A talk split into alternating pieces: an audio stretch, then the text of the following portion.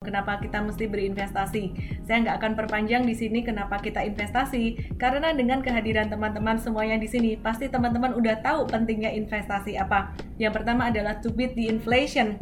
Yang kedua, kalau kita bandingkan dengan uh, jenis investasi lain, investasi saham memberikan pertumbuhan yang sangat luar biasa dalam rentang waktu panjang. Nah, sebenarnya kalau kita melihat saat ini untuk kondisi IHSG dari bulan Januari sampai sekarang ini kondisinya masih sangat tough sekali. Kondisinya masih sangat uh, banyak konsolidasi, masih banyak tantangan di depan. Tahun 2020 kemarin merupakan tahun yang sangat luar biasa, di mana terjadi pandemi, awal pandemi, saham langsung turun, IHSG turun sampai 40%, bahkan saham BCA pun sempat turun signifikan. Tapi nggak menunggu lama, bulan Maret sudah mulai terjadi rally. Maret akhir, uh, April awal terjadi rally, dan uh, saham-saham berkapitalisasi besar itu saham-saham fundamental bagus mereka nggak balik ke level low-nya kecuali saham-saham consumer good gitu ya. Nah, apa sih yang mendorong waktu itu bulan Maret di 2020 tiba-tiba pasar saham kembali melejit naik ketika pandemi baru aja dimulai bahkan ketika perekonomian itu berangsur-angsur memburuk turun terus.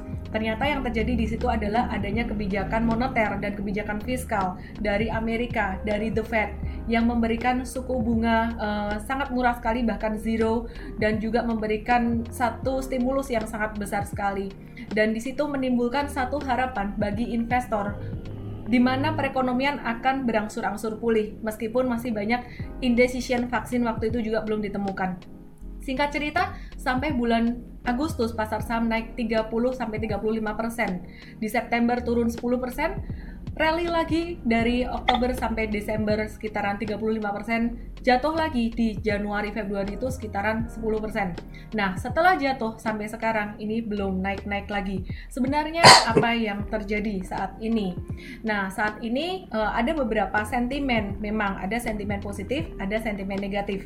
Sentimen positifnya perekonomian di banyak negara, terutama di Amerika dan juga di China, itu sudah sangat membaik Indeks PMI manufaktur yang menunjukkan aktivitas perekonomian di Amerika itu juga terus meningkat, di China juga terus meningkat. Problemnya di Indonesia saat ini COVID-19 masih terus naik sehingga itu menjadi satu katalis positif dan IHSG mau breakout dari level 6120 ini susah sekali. Nah, kemudian ada lagi sentimen yang saat ini lagi dinanti-nanti dan agak negatif sebenarnya adalah di mana BPJS Ketenagakerjaan sedang mengurangi kepemilikan sahamnya, uh, terutama pada saya langsung aja sebut emitennya Krakatau Steel, uh, eh, GIAA, LSIP, AALI dan juga ITMG. Jadi kita mesti agak berhati-hati pada emiten tersebut. Nah, ada sentimen yang lainnya nih, sentimen dari luar negeri yaitu temper tantrum, ada kekhawatiran di mana uh, kebijakan perekonomian akan diperketat ya. Jadi stimulus dan juga suku bunga tadi mungkin akan diperketat sehingga uh, ini bisa menjadi satu sentimen yang cukup membuat market terkontraksi gitu.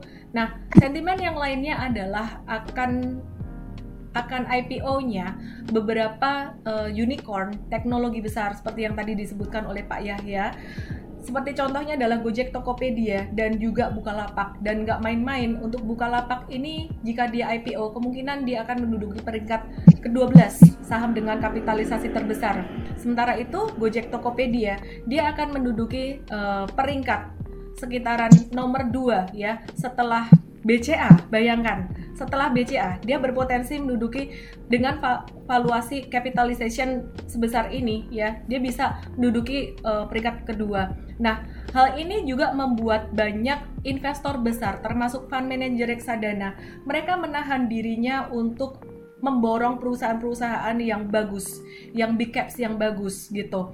Uh, mereka menahan diri untuk mereka punya amunisi, mereka punya peluru untuk bisa masuk dalam pro, dalam proyek IPO Gojek Tokopedia ini. Nah, uh, di sinilah terjadi satu perubahan tren di market di mana dulunya pasar saham Indonesia ini sangat didominasi sekali oleh perusahaan-perusahaan consumer goods. Sekarang perusahaan consumer goods banyak yang turun seperti ICBP, Gudang Garam, HMSP, Indofood, Unilever dan gamenya menjadi berubah menjadi digital uh, tech and digital, digital banking semuanya. Nah, sekarang gimana sih caranya kita menyikapi semua ini? Bagaimana cara kita berinvestasi di tengah kondisi yang sangat indecision saat ini. Di tengah perubahan tren, semuanya menjadi serba digital. Strategi apa yang harus kita lakukan? Apakah saham-saham seperti ICBP, Indofood itu nggak layak untuk dibeli? Kemarin bahkan ada uh, teman yang buat seminar yang judulnya cukup provokatif menurut saya, menurut saya pribadi. Anyway, semua orang punya hak untuk ngomong. Uh, dibuat judul seperti apakah BCA BBCA saham BBCA akan menjadi seperti Unilever. Oh wow. itu benar-benar membuat investor kayak eh oh oh wow BCA satu perusahaan emiten yang paling paling bonafit saat ini uh, mereka membuat satu uh, satu pertanyaan seperti itu dan kita akan jawab uh, hari ini teman-teman semuanya ya. Sebelum saya jelaskan tentang saham-saham apa aja yang layak untuk kita perhatikan baik dalam jangka pendek, menengah maupun panjang teman-teman mesti memahami dulu strategi investasi kita. Kita bagi jadi tiga. Yang pertama adalah investasi jangka panjang, yang kedua jangka menengah, dan ketiga adalah jangka pendek. Kenapa sangat penting sekali saya jelaskan ini? Karena dengan memahami strategi investasi mana yang teman-teman pilih, teman-teman jadi tahu konsekuensinya, uh, keuntungan dan risikonya.